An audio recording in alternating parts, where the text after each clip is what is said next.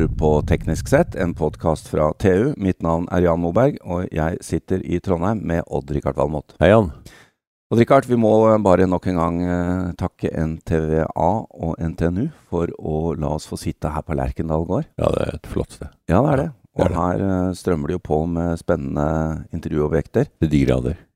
Um, og jeg ble jo litt uh, imponert og fascinert uh, egentlig her for ikke lenge siden, da, da Orbit NTNU um, lanserte en, eller skjøt opp en satellitt, Selfiesat, hvor du kan ta selfie fra rommet. Ja.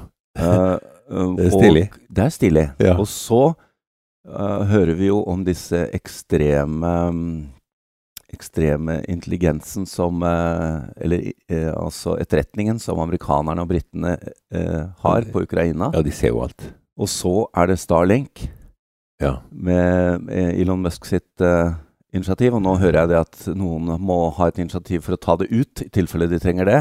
Det skjer mye i rommet. Det skjer mye i rommet, og det skjer mye bra, og det skjer mye ille. Det er et stort problem, er det ikke det? Jo, et veldig stort problem. Og Ja. jeg er litt pessimist jeg, rett og slett for at vi ødelegger denne infrastrukturen, viktige infrastrukturen som vi har felles Ja. over atmosfæren. Jeg er liksom Jeg, jeg ser det. Og når russerne appåtil uh, eksploderer en eh, Skyterne prøver å skyte ned sånn at de skaper masse Ja, de skjøt romsøppel. den ikke ned, de bare skjøt den i Ja, de- biter. Ja. Så det er jo håpløst. Men jeg er, ikke- er ikke helt sikker på om jeg skal være pessimist eller optimist. For vi skal nå snakke med en som har greie på dette her. Ja, Og ikke det at du ikke har det, Richard, men, eh, men jeg vil jo gjerne høre hva hun har å si. Vi skal, eh, eller har fått besøk av Ranveig Fergestad. Velkommen. Hei. Du er stipendiat ved Institutt for konstruksjonsteknikk her ved NTNU. Og det er, det er veldig kult denne laben eh, dere har, da. Structural Impact Lab. Du er opptatt av krasjeting, du. Absolutt. Det er jo kun ved å krasje ting at vi skjønner hva som skjer når de krasjer. Og det er jo nettopp når man snakker om romsøppel, så er det viktig å skjønne hva er konsekvensen når ting krasjer. Hva er det som skjer, og hvor havner disse bitene hen? Og hva annet kan det treffe? Ja, vi skal komme mer tilbake til det. Bare ta to ord om instituttet. Fordi at vi skal inn på romsøppel, men dere, bare sånn overordnet, hva er det egentlig annet dere holder på med? Så jeg jobber jo da på Structural Impact Lab, som egentlig da har fokus på samfunnssikkerhet, på bilindustrien, med kollisjonstester, gjøre biler så sikre som mulig for mennesker. Vi jobber med olje- og gassektoren for å sørge for at kollisjoner på rørledningen f.eks. ikke skader eh, mennesker, miljø, klima, rett og slett. Kanskje vi kan få oss jobb som sånn crash test dummies? Ja, det er i hvert fall Mulig. Jeg går påstand. Men eh, Ranveig, det vi eh, kommer for og er- Som er veldig interessert i, som du hører, er dette med romsøppel. Og du er jo også en del av Space NTNU, hvor dere fra forskjellige deler av NTNU har samlet dere for å ha fokus på space. Mm. Um, hva er status? status Rommiljøet på NTNU har jo vokst voldsomt bare de siste fem årene. Det er jo nå folk som jobber med raketter, med satellitter. Vi har nå to satellitter i bane fra, som er utviklet på NTNU. Og det, er, det sendes raketter, det er forskning. Så nå er det, det er så stor interesse blant både studentene og blant de ansatte at dette her er noe man har lyst til å Men Vi det, det morsomme er at det her har blitt fyrt opp blant studentene. Absolutt, det har vært eh, studentdrevet fra, Ja. fra bunnen av. Og jeg tror det er sånn du skaper engasjementet også. Ja, At det er studentene studentene selv som sier 'jeg ønsker å jobbe med dette', det tilbudet fins ikke, vi starter det opp. Og så er jo rom viktig for Norge, da. Med Andøya, Svalbard, eh, satellitter etc. Ja, nordområdene Ja, og ja, ja. ikke minst maritim næring. Har jo, vi har jo hatt den over hele verden. Veldig viktig. Så, så øh, Men du hører jo også min, men mest Odd Rikards bekymring her for, for alt dette romsøppelet. Og jeg tenker på den uh, selfiesats som dere skjøt opp. Dere må jo ha tenkt på at den også kan bli truffet av noen partikler?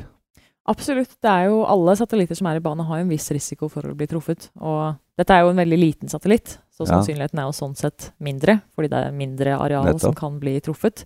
Men sannsynligheten er jo absolutt der. Så for disse små satellittene så er det jo Det er jo en økonomisk eh, tanke bak det. Er det verdt å bruke penger og volum og ressurser på å beskytte, eller er vi såpass nærme jorden at vi ja, kan anta at, eh, at vi kan erstatte den nesten Men disse fragmentene som fyker rundt oppi her, de, de går ganske fort. De går i voldsomme hastigheter. Ja. Så typiske hastigheten for eh, disse fragmentene som da stammer fra tidligere satellitter eller Mm. kollisjoner, de er da typisk på 7 km i sekundet. Ja, det er altså sju ganger eh, fortere enn ei rask kule. Ja, det er raskere enn vi flytter blikket, Odd Rikard. det er det. Men, men uh, Ranveig, ta oss litt gjennom hva er det vi snakker om her? Altså, Går det an å snakke om antall fragmenter, eller, eller hvordan, hvordan klassifiserer dere det? Ja, så Man klassifiserer det gjerne i ulike størrelsesordener. Det som er større enn 10 cm, det har vi kontroll over. Det kan vi spore fra bakken, og det er ca. 35 000 Med radar. Ja. Så det kan vi spore fra bakken med et radarsystem, så det har vi da en full database over, hvor de er til enhver tid, slik at romstasjonen f.eks. eller større satellitter kan styre unna og unngå disse. Men, men eh, det er én dimensjon, er jo selvsagt antallet og uh, sett fra jorden, men, men, de har jo også forskjellig avstand fra, fra jorden, altså forskjellige bane. Ja. Så de aller fleste de befinner seg i lav jordbane. Ja. Så de er da typisk ja, 400-700 km. Det er der det aller meste av romsøppelet befinner Romstasjonen ligger på ca. 400? Ja. Så romstasjonen er på en måte midt i det, i det verste. Ja, så den akkurat. styrer jo eh, unna når det kommer større fragmenter som den ser at den kommer til å være i nærheten av. Så Men styrer den unna. for å Det sørge for er ting skjer. som da er 10 cm eller større. Mm. Problemet er det som er mindre, for det har vi ikke kontroll over, rett og slett. Og Man det, har jo og det er mer. Det er mer, ja. Eh, så man har jo da statistiske modeller for å anslå hvor mange man har. Ja. Man anslår jo da at fra 1 til 10 cm så er det ca. en million fragmenter. Ah, Og mindre enn 1 cm så er det anslått ca. 130 millioner fragmenter. ah, Så det er helt det er vanvittige store tall. tall, Det er veldig store tall. Nå er jo det her fordelt over uh, en flate som er større enn jordoverflaten, og i tre dimensjoner. Mm. Så hva, hva, hva Fra til er det noe Ja, altså det er jo på en måte fra 300-400 km og oppover til ja, 700-800, så er det der det aller meste befinner seg. Ja, Og så er det jo ulike baner, ulike vinklinger, ulike hastigheter. Så det varierer veldig akkurat hvor de treffer og, og hva Men som er la oss bare ta lytterne igjennom årsaken til at det er så mye romsøppel. Fordi at um, jeg går ut fra at det har vært, blitt litt sånn bevisstgjøring på det området òg. Mm. Man ser jo, Det har jo vært flere tilfeller hvor to satellitter har krasjet. Og det er jo de tilfellene som genererer flest, flest mulig nye Ja. fragmenter. Og da ser man jo at antallet øker med flere, ja, flere titalls tusen av de største som vi kan spore. Og så Ja. anslår man at det også er flere millioner nye små fragmenter.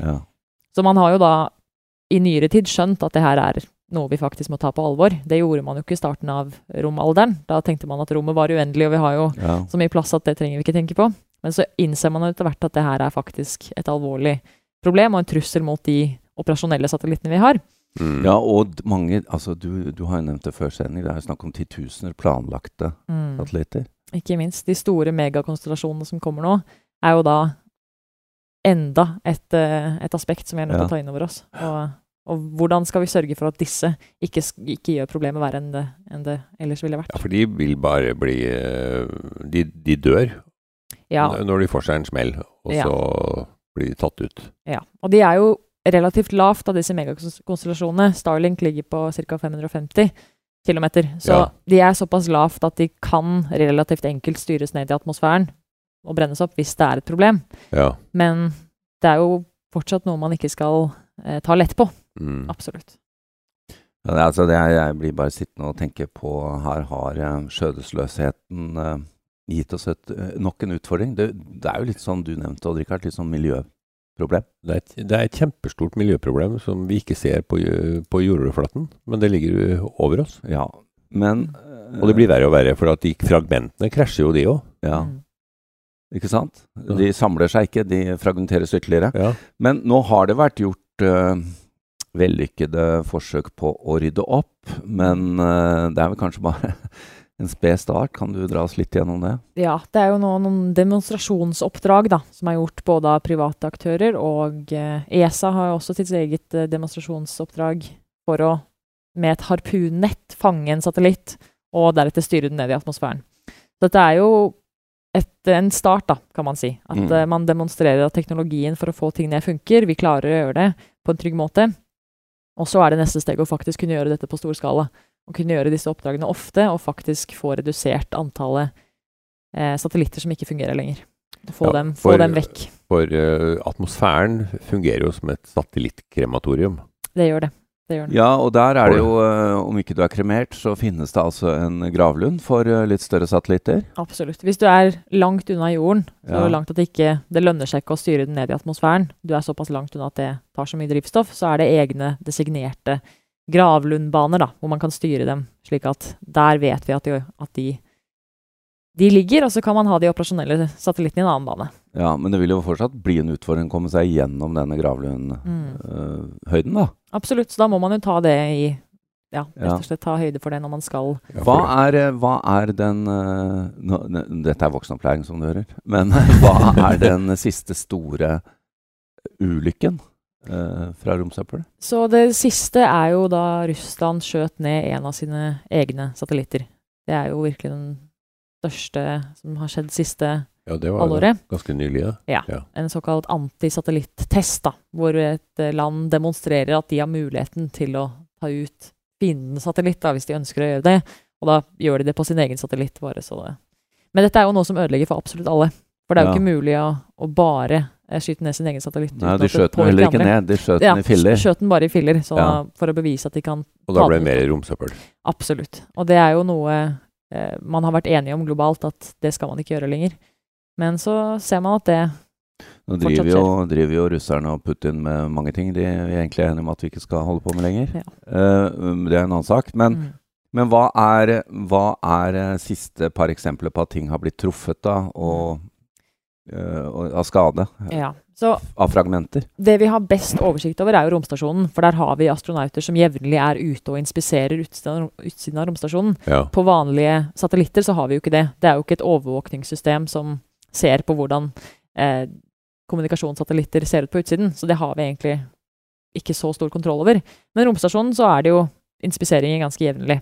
ja. Så for omtrent et år siden så ble det den robotarmen på utsiden av romstasjonen truffet av et ganske stort eh, fragment. Og det er Ganske Helt- stort, det vil ja. si. det vil si flere centimeter i diameter. Så ikke så stort at vi klarer å spore det, men absolutt så stort at det gjør stor skade. Heldigvis så, så traff den på en måte at den faktisk ikke eh, gjorde noe med robotarmen. Den gikk gjennom dette beskyttelseslaget, men armen funker som den skal. Heldigvis. Så man har ennå ikke hatt et treff på romstasjonen som har ødelagt noe viktig funksjonalitet. Heldigvis. Men når du sier beskyttelseslaget, hva snakker vi om da? Er det panserstål, eller? Nei, stål er jo på en måte såpass tungt at det lønner seg ikke Det er veldig dyrt å sende opp Ja, hvis man skal sende opp uh, tykke stålplater. Men man har da veldig effektive skjold bestående av typisk aluminium, kevlar, karbonfiber. Man har da flere lag med litt mellomrom mellom for å da bryte opp fragmentet i en sky i stedet. Og da er vi inne på arbeidet dere gjør på Structural Impact Lab. da. Absolutt. Så her har vi liksom knyttet sirkelen. Men hva med, hva med eh, sånn spacewalk, da? Også hvis, hvis Odd Rikard skal ut av romstasjonen Jeg regner med at du drar, tar Ja, en tur, tar med en tur. Og skal ut og fikse den armen. Og så har han på seg en eh, drakt. Eh, han kan bli truffet, han òg. Absolutt. Så det er en risiko når de astronautene forlater forlater er den Det er rett og slett dødsfarlig å gå ut av et romskip. Da blir, Ja, da blir jeg til romsøppel, Jon. ja, sporbart, vel å merke. uh, ja, altså hva For her er det snakk om uh, draktene de har på seg. De må jo Mm. Det er jo skuddsikre Ja, altså de er beskyttet i en viss grad da, med Ja. den drakten de har på seg. Men de er jo ikke sikret mot alt. Så de kan tåle en del av de mindre fragmentene på noen millimeter. ja. Kan, de, kan de klare å overleve. Men når det er snakk om centimeter store, så er det, da har du lite å stille opp med. altså. 20 km i sekundet i hastighet. Da klar, klarer du ikke å ta en unnamanøver heller, Richard? Nei. Nei. jeg tror jeg, jeg, jeg Second thought. Jeg blir. Du blir her. Jeg blir her. Du blir her. Men uh, vi må jo spørre da, Ranveig, inn med at uh, Altså, dette er jo utrolig spennende, men um, hvordan kan man er, er det mulig å teste disse hastighetene og disse tingene på jorden? Ja, vi har faktisk flere labber rundt i verden. Ikke i Norge, men det fins ja, kanskje opptil ti labber eh, rundt i verden, hvor man da eh, kan skyte ting i disse hastighetene. I en trygg ramme, i trygge omgivelser, Ja. for å teste hva slags materiale bør vi bruke, hva er den beste konfigurasjonen for å beskytte mest effektivt. Og rett og slett skjønne mer hva som skjer, da, uten å måtte gjøre det i rommet. For det hvordan i all verden kan man simulere så høye hastigheter? da? 7 km i sekundet. Ja, faktisk eh, enda høyere hvis det er eh, mindre. Ja. Så man bruker da en two-stage light gas gun, hvor du da har en kombinasjon av krutt. ja, hør, da! Two stage uh, light gas gun, Odd Rikard. Det- Sånn burde vi hatt. ja, definitivt. Da kommer du opp i høye hastigheter, altså. Ja. Virkelig. Så da kan du få millimeter store kuler opp mot ja, opp mot eh, 7, 8, 9, 10 km i sekundet. Uh, dette er jo altså så fascinerende. Vi må, vi må um, Før vi he avslutter helt, Ranve, må vi høre litt om ehm, Litt mer om ehm, Space, NTNU og miljøene vi har i Norge. Fordi eh, vi har jo mye kunns- kunnskap, da. Vi har det, absolutt. Og eh, jeg regner med at dere tenker litt på hva skjer på Andøya. Og det, det er jo noen ting som skal være litt spennende her hjemme òg. Selv om vi hører mye om uh, SpaceX og Starlink og alt dette andre. Ja. Mm. Ja, det er eh, vanvittig mye som skjer i Norge på romfartsfronten. Mye mer enn jeg tror folk er klar over. ja, det Og tror det jeg. er, eh, det er en milliardindustri som er verdensledende på flere områder. Mm. Så det er eh, absolutt noe Norge er gode på. Ja, den blir litt eh, liksom liggende bak akvakultur og olje og mye annet. Ja, altså Og vi, var, vi, var, vi har jo vært tidlig ute med en del ting. Ja da. Ja. Altså, Andøya og- har vært eh, pionervirksomhet, ikke sant? og satellittstasjon på Svalbard og Ja. KSAT. Veldig bra. Vi må bare ønske lykke til, eh, Ranveig. Tusen takk for at du tok deg tid til å komme til oss. Takk for meg. Takk til Odd-Rikard Valmot, og mitt navn er Jan Moberg.